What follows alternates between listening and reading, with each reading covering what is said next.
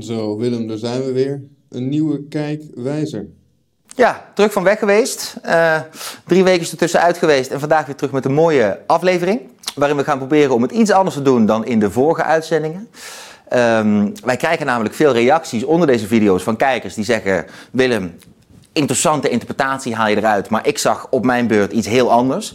In reactie op bijvoorbeeld de video over Picabia zei iemand van jij hebt het over logische vormen en over syllogismen en ik zie een dolfijn. Nou, dat is natuurlijk een opmerkelijk en interessant contrast. Ik denk het is ook goed en leuk om die perspectieven met ons te delen. Het is ook helemaal niet het idee, mijn idee, dat ik de definitieve interpretatie geef van de schilderijen die wij bespreken in Kijkwijzer. Het idee is, wij hebben het gewoon over de filosofische inhoud van die schilderijen. Wij kijken daarnaar als filosofen. En we proberen dus ook de filosofische inhoud van die schilderijen te bespreken en inzichtelijk te maken voor de kijkers. Maar de bedoeling is helemaal niet om te zeggen, dit is de betekenis van het schilderij. Uh, en daarom is het ook jammer als kijkers niet alleen zeggen, ik zag iets heel anders, maar ook daaruit de conclusie trekken dat, dat er zoveel verschillende perspectieven in te nemen zijn op schilderijen, maar kunstwerken in het algemeen dat het eigenlijk een beetje los zand wordt. Wat betekent de schilderij nou echt? Um, zorgen die verschillende perspectieven op een kunstwerk er niet voor dat eigenlijk ze allemaal elkaar ook wegkruisen? Dat ze allemaal evenveel waard worden. En dat je nooit echt kan zeggen: hier gaat het wel over, hier gaat het niet over. Dit is meer waar, dit is minder waar op het moment dat je een uitspraak doet over een schilderij. Um, en ik denk dat een andere manier om te kijken naar dat probleem van interpretatie in kunst is om te denken dat wat grote schilderijen, kunstwerken onderscheidt van minder grote, minder interessante, is juist de hoeveelheid, de grote hoeveelheid aan mogelijke interpretaties die je op een coherente manier kan loslaten op zo'n kunstwerk, op een schilderij. Als je bijvoorbeeld denkt aan de toneelstukken van Shakespeare, die zijn in elke eeuw nadat Shakespeare ze schreef op een nieuwe manier uitgevoerd, op een nieuwe manier geïnterpreteerd. En voor elke nieuwe tijd komen er dus ook nieuwe thematieken die misschien oorspronkelijk impliciet aanwezig waren in die toneelstukken van Shakespeare, die komen nu op een sterkere manier tot uitdrukking, ook door de veranderde sociale en maatschappelijke omstandigheden. Hetzelfde geldt voor interessante schilderijen. Het is niet zo dat ze gebonden zijn aan de tijd waarin ze zijn geproduceerd. Iedere nieuwe tijd, en zolang als zo'n schilderij bekeken blijft worden en geïnterpreteerd blijft worden, zorgt er dus ook voor dat de nieuwe context ook weer een nieuwe inhoud geeft aan dat schilderij. Um, en daarom blijft het interessant om te kijken naar grote kunstwerken. Blijft het interessant om te kijken naar grote films of grote gedichten te lezen. In elke nieuwe tijd, elke, elke nieuwe situatie waarin je zelf zo'n schilderij, het gedicht, film bekijkt, uh, gaat er dus ook weer een nieuwe betekenis uh, voor je open. Al is het maar door het feit dat ook de omstandigheid is veranderd. Nou, dat idee ga ik vandaag een beetje proberen uit te leggen door niet een schilderij te proberen te interpreteren, zoals we dat in het verleden hebben gedaan, maar door juist te zeggen, we gaan proberen om een filosofische theorie uit te leggen aan de hand van een schilderij, of ik moet zeggen een, de werken van een schilder, die leefde ver voordat deze filosofische theorieën werden ontwikkeld. Om iets explicieter te zijn, ik ga het vandaag hebben over de wetenschapsfilosofie van Bruno Latour. Specifiek over wat Bruno Latour zegt over hoe feiten tot stand komen. En ik ga laten zien dat je Latours theorieën op een uitstekende, bijna uh, verbijsterend exacte manier kan uitleggen aan de hand van de schilderijen van de Italiaanse schilder Giorgio de Chirico. Uh, specifiek het schilderij uit 1914, Lied van de Liefde. Dus ik zou zeggen, kijk vooral mee.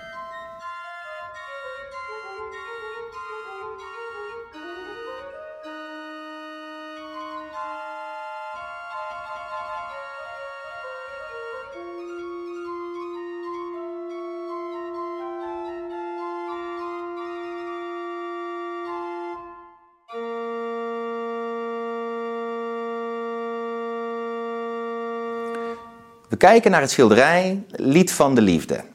Geschilderd door Giorgio de Chirico in het jaar 1914.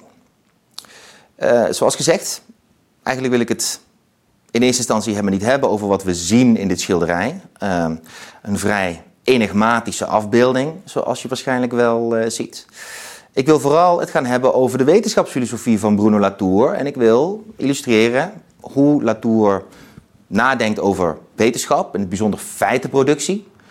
Ik wil dat idee illustreren aan de hand van die ideeën van Giorgio de Chirico. Om te beginnen dus met dit specifieke schilderij. Um, er zijn zes punten, ongeveer zes aspecten van Latours filosofie, die ik graag zou willen illustreren aan de hand van dus de werken van de Kiriko. En we gaan beginnen met het eerste punt. Ehm, namelijk, we gaan iets zeggen over uh, een van de centrale aspecten van Latour's wetenschapsfilosofie is dat hij de nadruk legt op wat je zou kunnen noemen het proces van feitenproductie, meer dan op de resultaten van feitenproductie, namelijk feiten. Latour zit niet zozeer feiten als zodanig als uh, dat wat de wetenschap bij uitstek produceert of dat wat de wetenschap bij uitstek typeert. Maar Latour zegt vooral dat het proces waarin feiten tot stand komen hè, bij uitstek is wat de wetenschap uniek maakt als praktijk, als vorm van waarheidsvinding. En hij probeert dus ook altijd de nadruk te leggen op, opnieuw, hè, dus op niet de feiten als zodanig en de producten van de wetenschapsvinding en de waarheidsvinding, maar op het proces waarin die feiten tot stand komen. Um, en Latour begint daarmee altijd, uh, als hij zegt van stel je eens voor hoe een wetenschapper zijn werk doet. Een wetenschapper wordt geconfronteerd met een nieuw soort fenomeen dat nog geduid moet worden, dat nog op een wetenschappelijke manier geïnterpreteerd zal moeten worden of, of vastgesteld zal moeten worden. Een probleemsituatie waar een feit van zal moeten worden gemaakt. Ik denk dat wat we mooi zien in het schilderij van de Kiriko is zo'n probleemsituatie. Een probleemsituatie zoals Latour nadenkt over zo'n situatie. Namelijk in termen van eigenlijk een, um, een soort van disparate uh, verzameling, nog niet echt uh, uh, in hun nadere samenhang begrepen fenomenen. Um, de wetenschapper die bezig is met het proberen te duiden van een nieuw fenomeen, bevindt zich in eerste instantie in zo'n soort probleem uh, situatie. Waarin eigenlijk dus meerdere, um, laten we zeggen, coördinaten zich tegelijkertijd op een soort van spanningsrijke manier aandienen aan de wetenschapper. Kijk, het interessante daarin en het belangrijke daarin, vooral voor Latour, is dat Latour dus zegt van wetenschap begint niet bij het subject of bij het waargenomen object. Het waarnemende subject of het waargenomen object. Wetenschap is niet iets dat bestaat als kennis in het hoofd van een wetenschapper. Wetenschapper is ook niet iets wat bestaat um, als uh, vastgelegd in het object als zodanig. Dus wetenschap wordt ook niet gedragen door de gekende dingen die de wetenschap onderzoekt. Wetenschap begint aanvankelijk in een soort van spanningssituatie, een probleemsituatie, waar zowel subject als object allebei nog niet echt voorhanden zijn. Uh, de kennende wetenschapper, zowel als het gekende feit, in de woorden van Latour, zijn allebei eigenlijk pas het product van wat begint als dus een soort van probleemproces. Een experimenteel proces waarin de wetenschapper langzaam probeert grip te krijgen op die disparate elementen van die probleemsituatie. En als we kijken naar de schilderijen van de Kiriko, dan zijn die disparate elementen, dus die roze handschoen, uh, dat hoofd van een klassieke sculptuur, we zien die groene bal onder in beeld, totaal onsamenhangende beelden. Uh, die in elk geval in eerste instantie helemaal niet tot een soort van coherente eenheid uh, gebracht kunnen worden. Opnieuw, zoals gezegd, wat we hier eigenlijk zien is het feit voorafgaand aan zijn geboorte. Op het moment dat het alleen nog maar bestaat in de vorm van een soort probleemsituatie. Dit wordt erg mooi geïllustreerd aan de hand van dat beeld van, uh, van de Kiriko, het lied van de liefde. Um, en ik denk een belangrijk aspect dus van, laten we zeggen, van deze probleemsituatie en van, van dus, hè, deze, deze disparate constellatie van elementen is dat er dus tussen al die elementen ook een vorm van breuk bestaat, een hiaat. Het is helemaal niet duidelijk hoe bijvoorbeeld het hoofd op deze afbeelding zich verhoudt tot de bal, de bal tot de handschoen, de handschoen tot het hoofd. Hoe verhouden alle drie zich tot bijvoorbeeld de, de trein die we zien op de achtergrond? Hoe verhouden al de laten we zeggen, objecten die we in beeld zien zich tot de mystieke omgeving waarin ze zijn geplaatst door de Kiriko. Labyrinthische uh, uh, um, uh, arcadegebouwen die we zien op de achtergrond. Um, er bestaan dus totale, laten we zeggen, interpretatieve gaten tussen al die losse elementen. Ook dit, voor Latour, is een belangrijk aspect van wat dus ik eerder schetste als die probleemsituatie. Dus een situatie rijk van spanningen, van waaruit vervolgens zowel de kenner van de kennis als de kennis zelf uh, pas een gevolg zullen moeten zijn. Althans, als het lukt om dus ook een vorm van continuïteit te gaan zien tussen wat in eerste instantie nog allemaal disparate elementen zijn. Nou, het interessante hieraan is, is dat Latour dus in plaats van dat hij de kennende wetenschapper, de meester van de kennis, neemt als het uitgangspunt van zijn wetenschapsfilosofie, legt Latour veel meer de nadruk op de positie van de leerling, de student. Uh, iemand die nog niet weet hoe feiten uh, worden geproduceerd. Iemand die nog niet weet hoe een bepaalde wiskundige formule moet worden opgelost. Iemand die nog niet weet Zoals bijvoorbeeld in een gildestructuur hoe die een, um, hoe die, laten we zeggen, een zwaard moet, moet, moet slaan als metaalwerker of zo. De student, zegt Latour, ziet nog allemaal discontinuïteiten tussen delen in het proces die voor de meester van de kennis al als een grote continue beweging um, voltrokken kunnen worden. Hè? En eigenlijk zegt Latour daarmee dus ook van de wetenschapper aan het die, die, die, die aanwezig is bij de geboorte van een feit, of althans die probeert om uit een probleemsituatie een consistent feit te destilleren, bevindt zich opnieuw in de situatie van die leerling. Van een soort van onwetende waarnemer die een discontinuïteit waarneemt. Um, waar waaruit, zou je moeten zeggen, hè, die, die, discontinuïteit die van die waarnemingen uitgaat, roept ook bijna die leerling of de wetenschapper in zijn positie van onwetendheid op om een nieuw soort continuïteit te gaan trekken. En Latour blijft dan dus ook zeggen, op het moment dat je dus bent in de positie van de kenner, van de meester, dan verdwijnen al die ogenschijnlijke discontinuïteiten. En dan is, er een, een, een, dan is het netwerk uh, op, een, op een vloeiende manier doorkruisbaar. Uh, maar op het moment dat het feit nog niet tot stand komt, of op het moment dat je zelf nog niet de meester van de kennis geworden bent, ben je dus nog geconfronteerd met dat disparate, onsamenhangende en eh, dus nader in overeenstemming te brengen uh, netwerk. Nou, hier komt, als we zeggen dat dit de eerste twee aspecten zijn van Latours denken, enerzijds dat probleemaspect en anderzijds dat discontinuïteitsaspect, dan komen we als vanzelf nu bij het derde element van Latours denken, dat interessant te illustreren is aan de hand van de werken van Giorgio de Chirico. En dat is dus het werk van het creëren van continuïteit. En om dat te illustreren gaan we ook even het schilderij Lief van de Liefde laten voor wat het is. Dan gaan we even kort verwijzen naar een ander schilderij, uh, waarin de figuur van Ariadne een centrale rol speelt.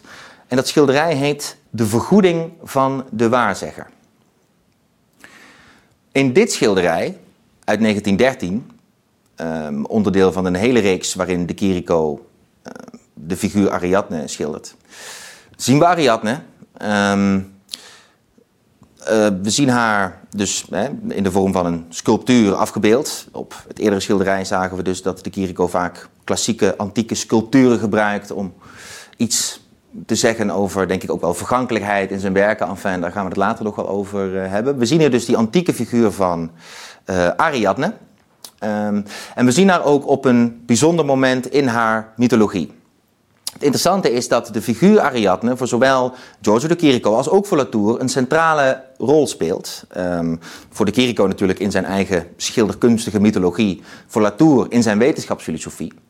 Um, en dat heeft voor Latour iets te maken met die situatie die we eerder besproken. Op het moment dat je dus je voorstelt, de wetenschapper die geconfronteerd wordt met een nog onbekend feit, hè, dat hij zich begeeft in zo'n probleemsituatie waarin disparate elementen uh, tot een nadere samenhang moeten worden gebracht, uh, dan kan je je die situatie voorstellen als een soort van labyrinthische situatie. Of de wetenschapper bevindt zich eigenlijk als, als het ware in een soort labyrint.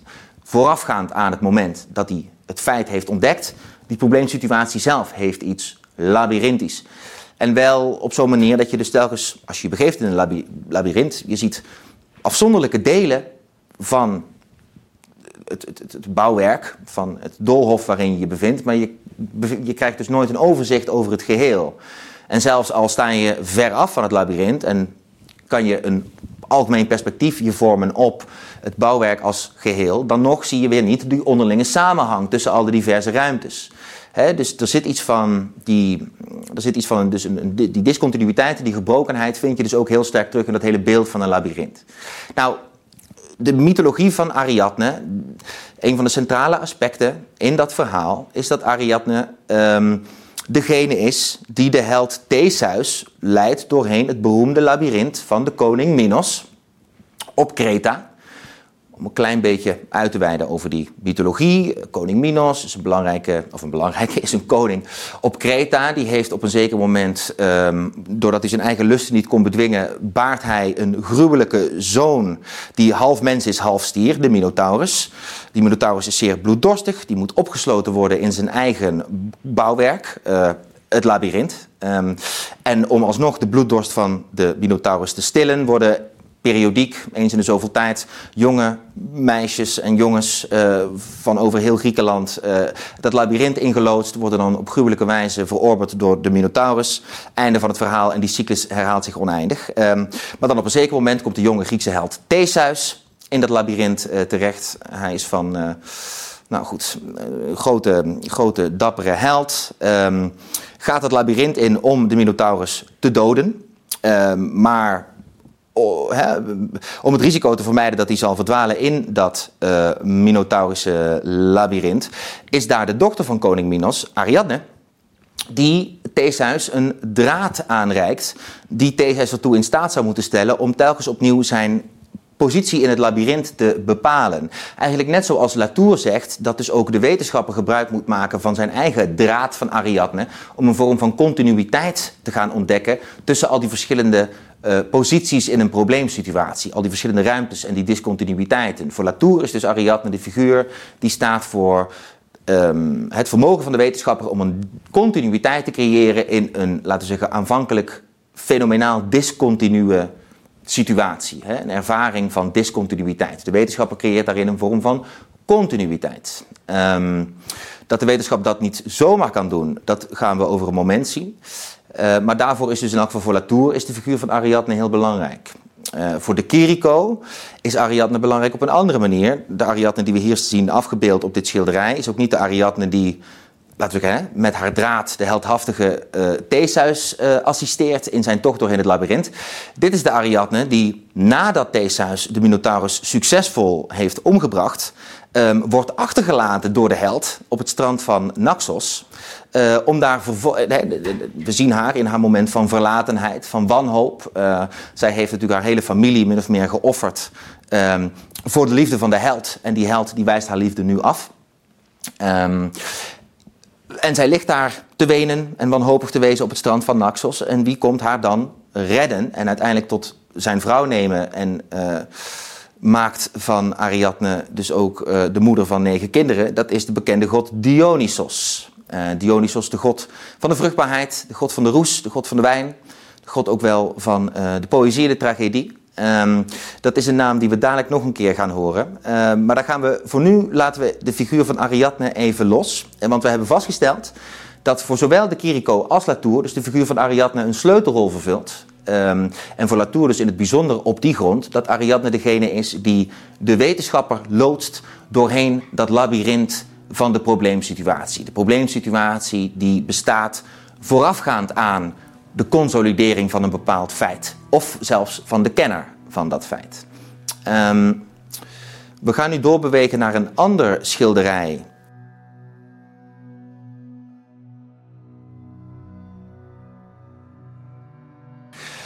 Het interessante aan de aanwezigheid van Ariadne in zowel laten we zeggen, de wetenschapsfilosofie van Latour als in de schilderkunst van Giorgio de Chirico is dat zij waarschijnlijk de figuur van Ariadne trekken uit eenzelfde bron. Dat is namelijk de filosofie van Friedrich Nietzsche. Niet alleen Bruno Latour is een groot bewonderaar van het werk van Friedrich Nietzsche. Ook Giorgio de Chirico op zijn eigen manier is een uh, gretig lezer van uh, de gedichten en de filosofie van Nietzsche. Um, die figuur Ariadne, hoogstwaarschijnlijk dus, um, is een product zowel in Latour als in de Chirico, van die Nietzscheaanse filosofie. Maar er is nog meer te zeggen over de invloed van Nietzsche, in het bijzonder ook op Latour. Um, aan de hand van een ander schilderij dat we nu voor ons zien. Het schilderij De Grote Metafysicus uit 1917. Um, ehm, als we even terugpakken op waarom is die figuur van Ariadne zo belangrijk voor Latour, dan komen we dus opnieuw bij die voorstelling van de wetenschapper als in eerste instantie aanwezig in een probleemsituatie, een soort van labyrinthische situatie. Een, een, perspectivistisch gefragmenteerde situatie. Net als in het labyrint waar we het over hadden. Je bent telkens op een plek in het labyrint en je hebt een fragment van het labyrint overzie je. Maar wat je nog niet kan, is dus een continuïteit creëren tussen al die momentopnamen. Al die losse perspectieven zijn niet te bundelen tot één algemeen, hè, dus, dus zelfs een soort van plattegrond, een algemeen overzicht in je eigen hoofd van dat labyrint. Ehm, die figuur van Ariadne doet haar intrede juist als een figuur die die continuïteit uh, schetst. En als we nu kijken naar de figuur van de grote metafysicus, dan zien we ook iets van precies het instrumentarium waarvan Latour zegt dat het opgericht moet worden. Wil een wetenschapper er dus in slagen om die diverse losstaande perspectieven, fenomenen, discontinuïteiten tot één coherent beeld te brengen oftewel tot één feit te smeden. Um, de Nietzscheaanse component is hierin erg belangrijk. Nietzsche zelf was ook een filosoof die, laten we zeggen, de nadruk legde op een zeker perspectivisme, althans waar het het proces van waarheidsvinding betrof. Uh, Nietzsche legde niet alleen de nadruk op het feit dat op het moment dat verschillende mensen kijken naar de wereld, dat hun eigen perspectieven die wereld dan kleuren op een specifieke manier. Maar Nietzsche ging ook de hele geschiedenis van de filosofie door en probeerde in de werken met een soort van aanspraak op universele waarheid, zoals bijvoorbeeld het werk van filosofen als Immanuel Kant of, of, of, Hegel, daar probeerde hij juist dus dat perspectivistische element ook in te illustreren. Dat er altijd al een soort van subjectieve vertekening, een soort van persoonlijke, willekeurige voorkeur sprak uit de manier waarop denkers als Kant en Hegel nadachten over wat waarheid nou is of werkelijkheid nou is. He, Nietzsche zei van zij proberen deze universele geldigheid, geldigheids aanspraken te doen. Maar uiteindelijk spreken ze altijd nog heel specifiek vanuit hun eigen perspectief. En ook altijd met hun eigen, wat je zou kunnen noemen, bijna hun eigen verborgen agenda. Er spelen ook altijd morele overwegingen mee, normatieve overwegingen mee, die niet alleen maar gericht zijn op het bereiken van de uiteindelijke waarheid. Um, en daarin zei Nietzsche dus ook van, hè, dus, dus daarom speelt ook macht een bepaalde rol in de totstandkoming van kennis. Er zit ook een soort van overtuigingselement in elk uh, rationeel argument. De poging, het is onmogelijk bijna in Nietzscheaanse termen om een soort van zuivere taal van de reden te hebben. Want die reden die wordt ook altijd geformuleerd vanuit een bepaald perspectief. En dat perspectief is ook altijd geworteld in heel specifieke belangen. Um, Kant heeft hele specifieke belangen bij het presenteren van bijvoorbeeld de wetenschap in het licht dat hij dat doet. want het bevestigt ook iets over misschien wel de manier van leven waar Kant zich uh, aan schuldig maakte, wilde ik niet zeggen. Maar zo van hè, de, manier van leven die Kant uh, um, aanhield. En zo'nzelfde soort dynamiek vindt Nietzsche dus in allerhande filosofen. En dus ook de, de, de, de, theorieën van die filosofen in de loop van de geschiedenis terug. Perspectivisme en macht zijn voor Nietzsche twee centrale punten. En ik denk dat die twee, die twee aspecten neemt Latour ook heel sterk over. En ik denk dat je vindt iets van dat idee van perspectivisme en macht. Niet alleen maar in het, in, in, in het schilderij dat we hier zien van die grote metafysicus. Macht alleen al in de vorm van de torenende um, uh, uh, positie van deze figuur. Hè, die ver boven het landschap uit torent. Um, hè, en inderdaad, de kleine figuur die je achterin op het doek ziet, ook echt in zijn schaduw bijna doet wegvallen dus er gaat ook iets van een grote nou, dus potentie uit van dit schilderij. Het is ook echt duidelijk een soort van dus, dus een autoritair figuur. Autoritaire positie ook zo centraal in het beeld.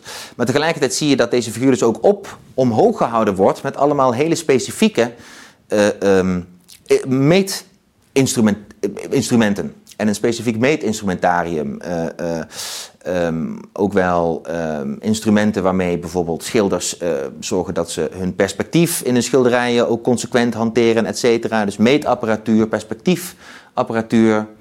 We zien dus op een bepaalde manier ook alle instrumenten, niet alleen waarmee dus een perspectief omhoog gehouden wordt, um, maar in Latouriaanse termen zou je dus ook kunnen zeggen: we gaan nu langzaam het instrumentarium zien waarmee wetenschappers elkaar moeten overtuigen om überhaupt te komen tot een vorm van coherent perspectief op een feit.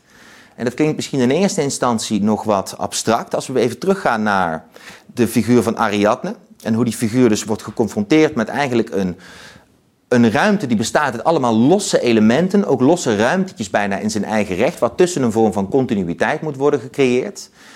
Dan zegt Latour dus, je, je creëert die continuïteit, je creëert die continuïteit tussen perspectieven en invalshoeken, door dus hele specifieke uh, uh, technologieën te gaan hanteren die het jou mogelijk maken om tussen ruimtes te bewegen. En dat klinkt misschien abstract, maar als je bijvoorbeeld denkt aan bijvoorbeeld een telescoop of een periscoop um, of een microscoop, dan zijn dat natuurlijk hele specifieke instrumenten die jou ertoe in staat stellen om hier en nu in de ruimte waar wij ons begeven, tegelijkertijd ook toegang te krijgen tot een andere ruimte. En de dingen in die ruimte ook weer in onze ruimte terug te brengen. Um, en het nut daarvan is dus vooral dat op het moment dat jij bijvoorbeeld probeert uit te leggen aan een andere wetenschapper dat zoiets bestaat als een microscopisch organisme, dan kan je dus gebruik maken van die technologie om die wetenschapper ook daadwerkelijk van jouw perspectief te overtuigen. dus daarin is denk ik belangrijk die twee aspecten van enerzijds dus het bij elkaar moeten brengen van perspectieven voor een wetenschapper. dat dat een onderdeel is van het creëren van de continuïteit in wat begint als een disparaat netwerk. Dus enerzijds dat overbruggen van perspectieven met instrumenten en anderzijds dus ook het belang van overtuiging. Je hebt dus ook daadwerkelijk, kennis wordt niet getransporteerd via een of ander etherisch medium of gewoon mensen die heel hard zitten na te denken in een kamer met elkaar en dan alleen maar hele strikte argumenten zitten uit te wisselen. Kennis is ook afhankelijk van dit soort van meetapparatuur, van instrumenten. En als kennis niet uitgerust is, zegt Latour, kan kennis dus ook niet reizen. Dan kan er dus ook geen sprake zijn van het feit. Dus hoe maak je van een probleemsituatie een feitsituatie? Hoe destilleer je een feit uit een probleem? Dat is dus door een instrumentarium te mobiliseren in de woorden van Latour. Dat is door allemaal meetinstrumenten te gaan inzetten die jou ertoe in staat stellen om verschillende ruimtes, verschillende tijden hier en nu bij elkaar te brengen, opdat de persoon met wie jij bijvoorbeeld een wetenschappelijke controverse probeert te beslechten, opdat die persoon dus overtuigd kan worden van de juistheid van jouw perspectief. Dat gaat dus niet alleen maar op basis van logische argumenten of redeneringen of dingen die efemeer en ontastbaar zijn. Volgens Latour verloopt dat proces dus altijd via hele specifieke apparaten en technieken, zoals onder andere ook uitgebeeld in dit mooie schilderij van de Chirico, de grote metafysicus. We zien dus bijna zelfs hoe dat denken zelf door een heel concreet en materieel instrumentarium uh, uh, uh, omhoog gehouden wordt. En dus ook de macht van de grote metafysicus en zijn overspannende perspectief verdwijnt ook op het moment dat het instrumentarium zou worden verwijderd. Nou, dit is dus een van de centrale ideeën, denk ik, van Latours conceptie over wetenschapsfilosofie uh, uh, uh, en over wetenschap überhaupt. Kennis kan niet reizen, kennis kan niet geproduceerd worden, er is geen kennis als het niet wordt gedragen door deze hele concrete, materiële ehm, instrumenten. Ik denk dat idee, kijk, om dat idee nog verder te illustreren kunnen we nu ook doorbewegen naar de laatste twee schilderijen waar ik het even kort nog over wil hebben. Dat zijn schilderijen met de titel, allebei dezelfde titel. Um, het melancholie van het afscheid. Hier kort zien we melancholie van het afscheid 1. En in melancholie van het afscheid 2 zien we eigenlijk een hele soortgelijke, ehm, al niet een soortgelijke afbeelding, maar laten we de, de, de, de idee althans, hè, er wordt een soortgelijk idee uitgedrukt in allebei die schilderijen. En ik wil deze schilderijen tot slot even aangrijpen om te illustreren wat er dus gebeurt volgens Latour op het moment dat dus die instrumenten zijn gemobiliseerd, op het moment dat het dus is gelukt om een continuïteit tussen die aanvankelijk nog losstaande perspectieven te creëren, om een continuïteit tussen die disparate elementen ook te creëren. Wat je dan lukt, of wat de wetenschap dan vermag, volgens Latour, is dus het ervoor zorgen dat tijden en ruimtes die ver van het hier en nu verwijderd zijn, hier en nu tot spreken kunnen worden gebracht. En dat je dus op zo'n manier, um, dus, dus laten we zeggen, een, een, een, nieuw soort, um, jezelf een nieuw soort toegang tot de werkelijkheid hebt verschaft. Latour zou bijvoorbeeld zeggen van, kijk, wij kunnen het inderdaad hebben over de donkere kant van de maan, omdat wij allemaal meetinstrumenten onder andere kunnen optuigen die er ons toe in staat stellen om die situatie daar aan de duistere kant van de maan op zo'n manier te vertalen met technieken dat we uiteindelijk bijna dat duistere deel van de maan naar het hier en nu kunnen halen. En daar op een betekenisvolle manier over kunnen praten. Als we dat niet zouden kunnen doen, dan zou je oneindig kunnen blijven speculeren over wat daar bestaat aan de duistere kant van de maan. Maar pas op het moment dat je dus die instrumenten hebt gemobiliseerd, komen die verschillende ruimtes en tijden bij elkaar. Ruimtes en tijden. Uh, dat zien we denk ik mooi geïllustreerd, precies in die twee schilderijen uh, met dezelfde titel. Um, Melancholie van het afscheid. Opnieuw, we gaan niet proberen om die schilderijen zelf te interpreteren. Het gaat er vooral om, denk ik, dat je dus ook hier door de Kiriko een markante samenvoeging ziet van diverse ruimtes en tijden door elkaar. Uh, vooral in Melancholie van het afscheid 1 uh, zie je heel sterk dat de Kiriko gebruik maakt van on incongruente perspectieven, waarin daadwerkelijk meerdere ruimteervaringen op één plek of in één beeld met elkaar verenigd worden. Hier zien we ook in, dit, uh, in Melancholie van het Afscheid 2, zien we ook eenzelfde incongruentie van ruimtes door het integreren van een ogenschijnlijke wereldkaart in de ruimte van het schilderij. Ontstaat ook weer een vorm van ontmoeting van ruimtes, een continuïteit van ruimtes. En dat gebeurt niet alleen maar met ruimte, dat gebeurt dus ook met tijd. Ook weer in Melancholie van het Afscheid 1 zien we dat onder andere de schaduw, die op dat moment um, het doek beheerst, nooit overeen kan komen met de, klok, met de tijd die, die aangegeven staat op de klok. Verschillende ruimtes ontmoeten elkaar, verschillende tijden ontmoeten elkaar. Kortom, dat illustreert ook weer op een zeer doeltreffende manier wat Latour verstaat onder uh, het proces van feitenproductie. Precies het idee dat je dus door een instrumentarium te mobiliseren ertoe in staat raakt om te reizen van tijd naar tijd, plek naar plek op een immanente manier, hier en nu, opdat je dus uh, uh, overtuigende um, voorbeelden als wetenschapper kan geven van, van, van dus jouw perspectief. He, voor Latour is bijna dit de essentie van objectiviteit. Het feit dat jij er dus wel, mits je al die instrumenten gebruikt, dat je er dus ook daadwerkelijk toe in staat bent om objectieve uitspraken te doen over tijden en plaatsen hier heel ver vandaan. Nou, tot zover um, de uitleg van de wetenschapsfilosofie van Bruno Latour. Aan de hand van dus die zes elementen waar we het over hebben gehad. Ik zal ze nog even kort noemen. We hebben het gehad over die probleemsituatie. Dat wetenschap begint altijd in de context van een probleemsituatie van disparate elementen. Daarin is nog niet een kennend subject of een gekend object aanwezig. Die twee zijn allebei pas het product van wat er uit dat gistende probleemproces gaat ontstaan. Uh, we hebben het gehad over de discontinuïteit van de elementen in zo'n probleemsituatie. Dat het dus iets heeft van het labyrint. Dat werd dus ook mooi geïllustreerd in de werken van, uh, van de Kiriko. We hebben het gehad over de rol van de figuur Ariadne. Hè, dus juist als bijna een, een, een, een, een uh, boodschapper of een, of een, of een, een leidend figuur is beter. Hè, die, die dus in eerste instantie de denker, de wetenschapper ertoe in staat gaat stellen om een continuïteit te creëren tussen die disparate elementen. Hebben toen gehad over Nietzsche, perspectivisme en macht. En hoe dat ook werd mooi, het belang daarvan in de filosofie van Latour, maar ook de illustratie daarvan door de Kiriko in zijn werk De Grote Metafysicus. Toen hebben we het gehad over hoe dus op het moment dat zo'n instrumentarium van de reden wordt opgetuigd, hè, dus om die perspectieven met elkaar te verenigen en om dus een zekere vorm van overtuigingskracht te genereren, dat op het moment dat zo'n instrumentarium wordt opgetuigd, dat dus ook een wetenschapper toe in staat reikt om een continuïteit te creëren tussen wat voorheen nog disparaat was. Perspectieven, fenomenen, etc. Op het moment dat nu een continuïteit is gecreëerd in die probleemsituatie, kunnen we nu dus ook daadwerkelijk spreken over een feit, volgens Latour. Uh, aan de duistere kant van de maan bevindt zich een grote krater en ik kan je het laten zien. En dat doe ik op deze manier. Hè? Dus door, door al die verschillende instrumenten in te zetten en zo eigenlijk een soort van directe toegang, maar wel een discontinu directe toegang te creëren uh, tot de donkere kant van de maan. Um, het interessante vind ik toch dat nu we het hebben gehad over de filosofie van Latour, eigenlijk nog helemaal niks hebben proberen te zeggen over wat er nou zit in het werk van de Kiriko zelf.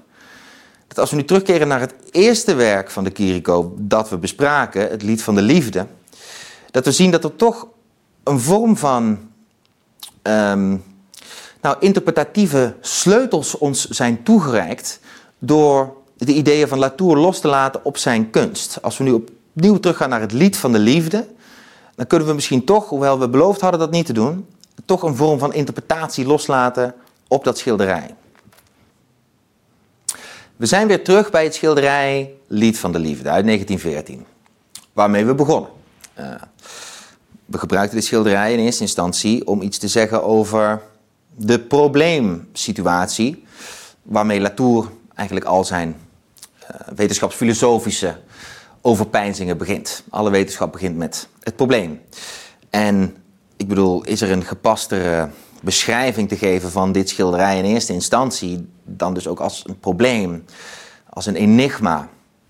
Het lijkt er ook bijna de schilder om te doen te zijn om een zo discontinu en, en disparaat mogelijke ervaring op te wekken bij zijn kijkers. Er lijkt geen enkele vorm van overeenkomst te zijn tussen de verschillende beelden en vormen die we op het doek zien.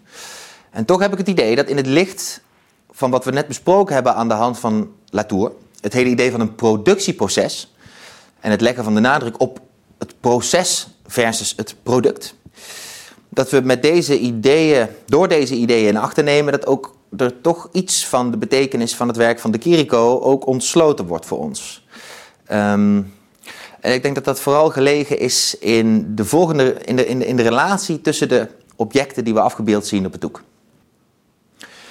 Ik denk dat de Kiriko in dit werk iets probeert te zeggen over de scheppingsdaad als zodanig.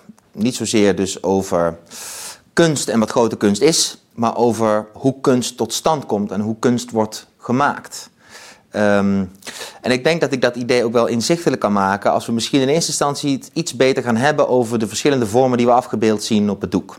Uh, de meest in het oog springende zijn natuurlijk dat antieke hoofd dat we zien, waar ik misschien nu ook wel iets meer over kan vertellen.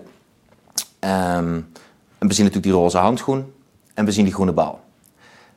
Er is een interessante relatie tussen die drie. Um, en niet maar één relatie zelfs. Ik denk dat die verschillende um, figuren op het doek hebben ook verschillende ambiguë en wederkerige relaties tot elkaar, waarvan we er misschien een paar kunnen gaan proberen uit te pakken. Maar om dus even terug te komen op dat hele idee van proces en product en het maken van kunst versus het, um, nou, het, voltooide kunstproduct, kunnen we misschien beginnen met even alvast iets te zeggen over um, dat kenmerkende hoofd dat we hier door de Kiriko afgebeeld zien. Uh, dit is namelijk niet zomaar uh, een willekeurig hoofd. Dit is een kopie, een geschilderde kopie van een fotokopie, um, gevonden in een boek, van een marmeren beeld, gemaakt in, nou ja, waarschijnlijk ook weer een kopie, gemaakt in Rome, ergens in de eerste eeuw, in de tijd van uh, Trajanus. En die Romeinse kopie op zijn eigen beurt ook weer gebaseerd op een eerdere kopie van een Helleens, van een, van een, van een Griekse sculptuur. De sculptuur is de Belvedere Apollo. En het hoofd dat we zien is het hoofd van de god van de muze. En uh, de schoonheid en de reden en de proportie, uh, de god Apollo. Um, dus inderdaad niet zomaar een afbeelding van de god Apollo, maar een afbeelding van een bestaand bestaande sculptuur, alleen maar het hoofd van die sculptuur, de Belvedere Apollo.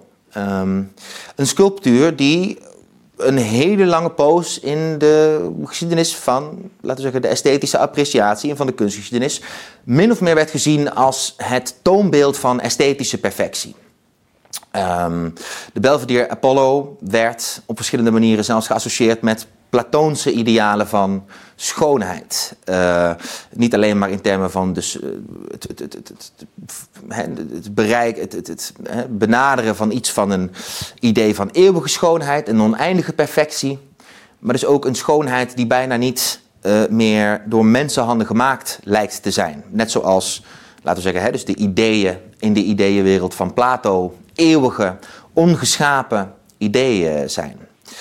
Um, de Kiriko lijkt zich voor een belangrijk deel bewust van de rol van de Belvedere Apollo in de geschiedenis van de kunsttraditie. Als dus bijna een pinakel, een, de apotheose van schoonheid en esthetische perfectie uh, in de kunst.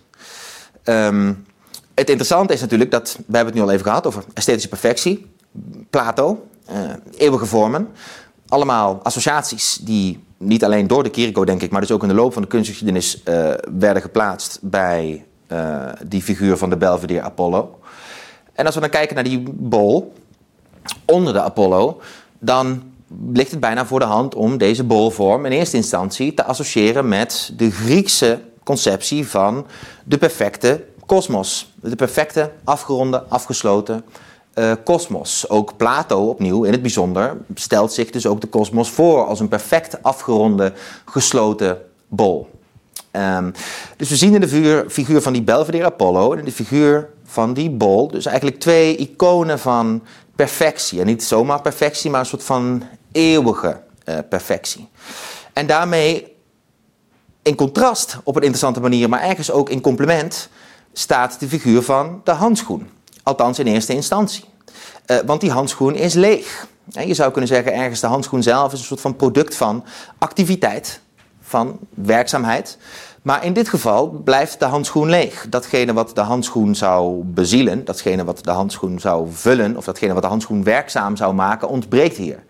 En daarmee lijkt het bijna alsof de Kiriko, althans opnieuw in eerste instantie, probeert om um, de figuur van de Apollo uh, om iets, iets van een commentaar te geven op de schoonheid van de figuur van die Apollo, als dus ook een vorm van ongeschapen schoonheid. dus opnieuw, dat bekrachtigen van het idee van het esthetische ideaal, iets bovenmenselijks, iets bovenmaans, iets waar dus ook geen uh, mensenhanden aan te pas komen. Dat verleent het dus ook vervolgens een grote vorm van authenticiteit.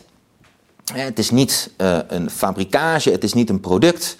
Iets in die Apollo um, ja, is dus bijna een manifestatie van de mens ver overstijgende waarden en ideeën. dus, dus, al in eerste instantie zou ik bijna zeggen, is dat een spanning die uitgaat van dat werk van de Kiriko. Maar ik denk dat hij daar niet bij houdt. Um, dat zou nog een vrij bijna melancholische benadering zijn misschien van het contrast tussen die eeuwige schoonheid en misschien dan wat meer laag bij de grondse uh, uh, aanwezigheid van die handschoen. uh, daar zou dus bijna vanuit het werk zou er een vorm van melancholie uitgaan naar lang vervlogen tijden, waarin dus nog een authentiek soort eeuwige kunst werd geproduceerd. Um, en dan lijkt het dus bijna alsof de Kiriko een soort ironisch contrast probeert te schetsen tussen het hoofd van die Apollo enerzijds en de kosmische die kosmische perfectie van die bal, bij wijze van spreken. Hè? En dus die symbolen van, symbolen van, van, van moderniteit en vergankelijkheid. De handschoen is bijna een symbool van vergankelijkheid. De trein op de achtergrond is iets van een symbool van vergankelijkheid.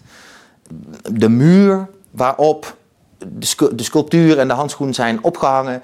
Daarin is ook iets vergankelijks aanwezig. Niet zozeer in de manier waarop hij is weergegeven, maar de manier waarop hij niet is weergegeven. En dan bedoel ik dus, als je kijkt naar de verfbehandeling op de muur. Uh, dan komt het, laten we de kleur van het oorspronkelijke doek komt gewoon door uh, de afbeelding heen. De verf is niet aangebracht op zo'n manier dat je dus niet meer uh, uh, die constructie-elementen kan zien. Je kan iets van het doek nog steeds zien.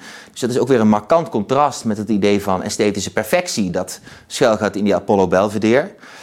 En wat ik zelf helemaal interessant vind, is ook dat op het moment dat je goed kijkt naar de muur, de lege plek op de muur onder de Apollo, dan hangt daar ook een lege spijker.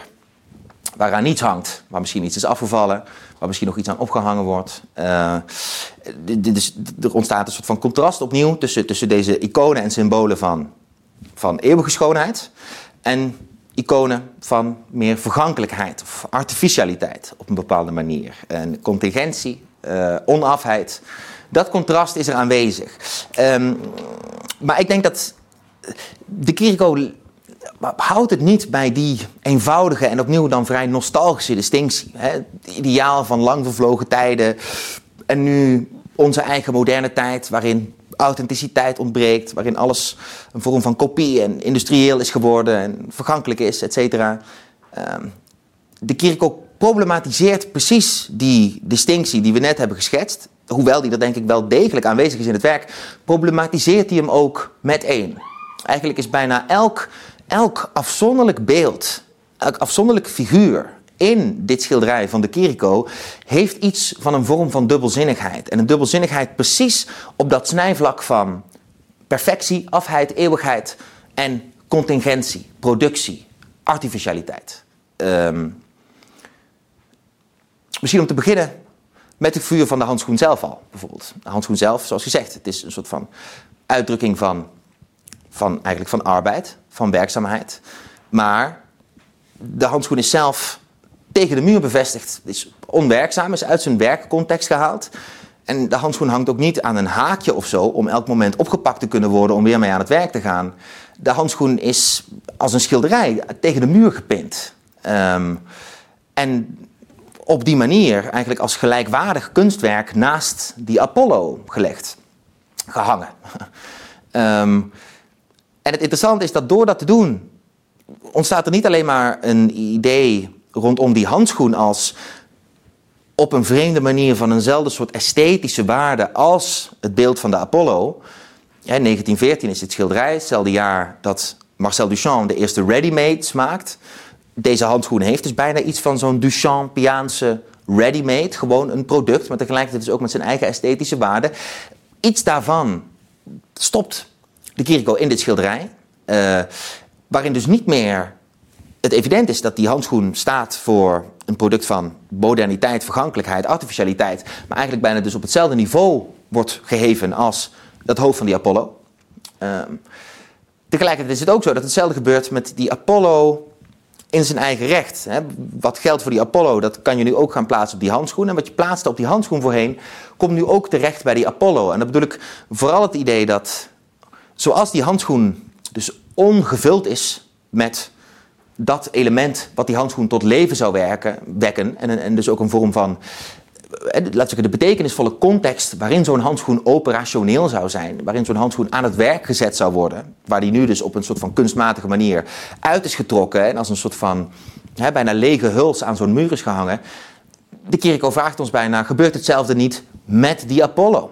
Is die Apollo eigenlijk ook niet nu als die lege handschoen um, een soort van onzielde een ontzielde huls, hè, waar eigenlijk een hele cultuur en context omheen moet worden gedacht, die deze sculptuur zou vullen van leven. Um, maar dat zien we dus opnieuw. Die, cultuur is er vanaf. Ik bedoel, en ik gaf eerder al aan, de, de Belvedere Apollo is een volledige sculptuur, een torso, uh, handen en, en, voeten en alles eraan. We zien Apollo op het moment dat hij net waarschijnlijk een of andere grote mythische python om heeft gebracht met zijn gouden boog. Apollo in actie. Deze Apollo is onthoofd. De Kirikos Apollo hè, is onthoofd. Um, opnieuw, de, net zoals de handschoen is, laten we zeggen, dat bezielende element, de bezielende vorm die deze sculptuur tot leven zou wekken, is eruit genomen. De Kiriko wekt die suggesties door deze vormen op deze manier tegenover elkaar uh, te zetten. Dus de dubbelzinnigheid in die handschoen, die is er in elk die is, die is duidelijk. De, de, het feit dat de handschoen uh, een symbool is van werk, maar eigenlijk onwerkzaam is gemaakt. Ook in de figuur van bijvoorbeeld de spijker waar ik het eerder over had, zien we ook een dubbelzinnigheid. Uh, hè, een dubbelzinnigheid in de zin van, is dit een spijker waar zo even uh, iets af is gevallen. Hè, wat dus dan ook weer iets illustreert over de mogelijke vergankelijkheid en de eeuwigheid van kunst. Kunst is zo eeuwig als kan totdat de spijker het begeeft. En ook dan is die eeuwige sculptuur van Apollo is niet meer zo eeuwig als het wel lijkt. Hè, dus dat element van contingentie. Maar tegelijkertijd is die, is, die, is, is, is die spijker ook een spijker waar iets nieuws aan kan worden opgehangen. Dus er zit ook een, juist een, een, een component van dus vernieuwing en hernieuwing en, en, en processualiteit ook precies in die spijker. En diezelfde dubbelzinnigheid. Ook weer een dubbelzinnigheid die, die eh, de kijker van de schilderij kan doen bevragen of het inderdaad zo evident is dat het contrast dat de Kiriko schetst in dit schilderij erin is tussen eeuwige waarden die op, een bepaalde manier verloren zijn gegaan en nu meer uh, een, een, een, moderne werkelijkheid die alleen maar een zekere contingentie in zich draagt. Latour, of, uh, opnieuw, de Kiriko, pardon, lijkt dus ook op zijn eigen interessante manier ook de mythische, eeuwige waardigheid in die contingente elementen van de moderniteit zelf te proberen te zien. In die handschoen zelf, in die spijker zelf. Um, door de dubbelzinnigheid van die figuren roept hij telkens vragen op over die oorspronkelijke distinctie tussen het eeuwige en het contingente moderne, uh, die dus in eerste instantie uit dat werk lijkt uh, te spreken. Um, dan is er nog heel veel over te zeggen, maar ik zou toch graag e-, eindigen met een laatste dubbelzinnigheid die ik zelf, denk ik, bijzonder interessant vind. Um, zoals gezegd, de figuur van de Belvedere Apollo. Uh, lange tijd een expressie van esthetische perfectie, of werd althans zo gezien in het Westen. Ehm, ik denk dat het interessant is om er opmerkzaam op te zijn dat, zoals we eerder al zeiden, de Kiriko zelf als schilder sterk beïnvloed was door het werk van Friedrich Nietzsche. En Friedrich Nietzsche staat er natuurlijk onbekend dat hij in een van zijn eerste welbekende boeken, De Geboorte van de Tragedie, een welbekende tegenstelling maakt tussen het Apollonische esthetische principe en het Dionysische esthetische principe. Opnieuw komt daar die naam Dionysos terug. Dezelfde Dionysos die Ariadne redt van het strand op, op Naxos. Deze figuur van Dionysos is niet alleen een belangrijke figuur voor Nietzsche, is ook een zeer belangrijke figuur voor, uh, voor de Keriko. En er is dus iets voor te zeggen dat hoewel de figuur Apollo in dit schilderij een prominente rol vervult, dat Dionysos niet, Dionysos niet afwezig is van dit schilderij. Um, dat dus uh, ook de Kiriko's schatplichtigheid aan de ideeën van Nietzsche ook op dit schilderij uh, tot uitdrukking komen. En dat gebeurt dan vooral in de figuur, denk ik, van die groene bal. Want zoals eerder gezegd, kan deze bal gelezen worden als een icoon, een symbool voor de Griekse conceptie van de kosmos. Uh, perfect afgerond geheel, symbool van perfectie, circulariteit. Maar als we iets nader kijken naar de Kiriko's bal, dan zien we dat er ook kleine stoffenlijntjes op zijn aangebracht, waardoor we dus duidelijk zien dat deze bal is een speelbal. Uh, een bal die je lekker tegen die muur aan zou kunnen ketsen. Misschien wel een bal die ervoor heeft gezorgd dat de spijker op de muur niet meer uh, behangen is met een ander groot kunstwerk. Hè? Um, dus er zit iets van een spelelement in die bal zelf. Die bal is dus buiten dat het een symbool is voor eeuwigheid, is het ook een symbool voor spel.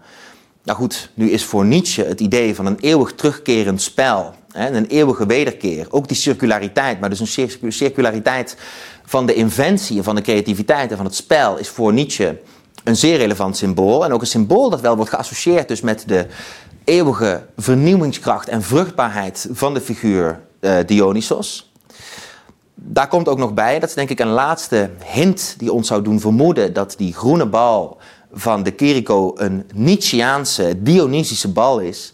En dat is namelijk dat in een beroemd schilderij van Nietzsche, geschreven ergens in de laatste periode van zijn leven, een schilderij dat heet De Klacht van Ariadne, daar hebben we weer onze Ariadne.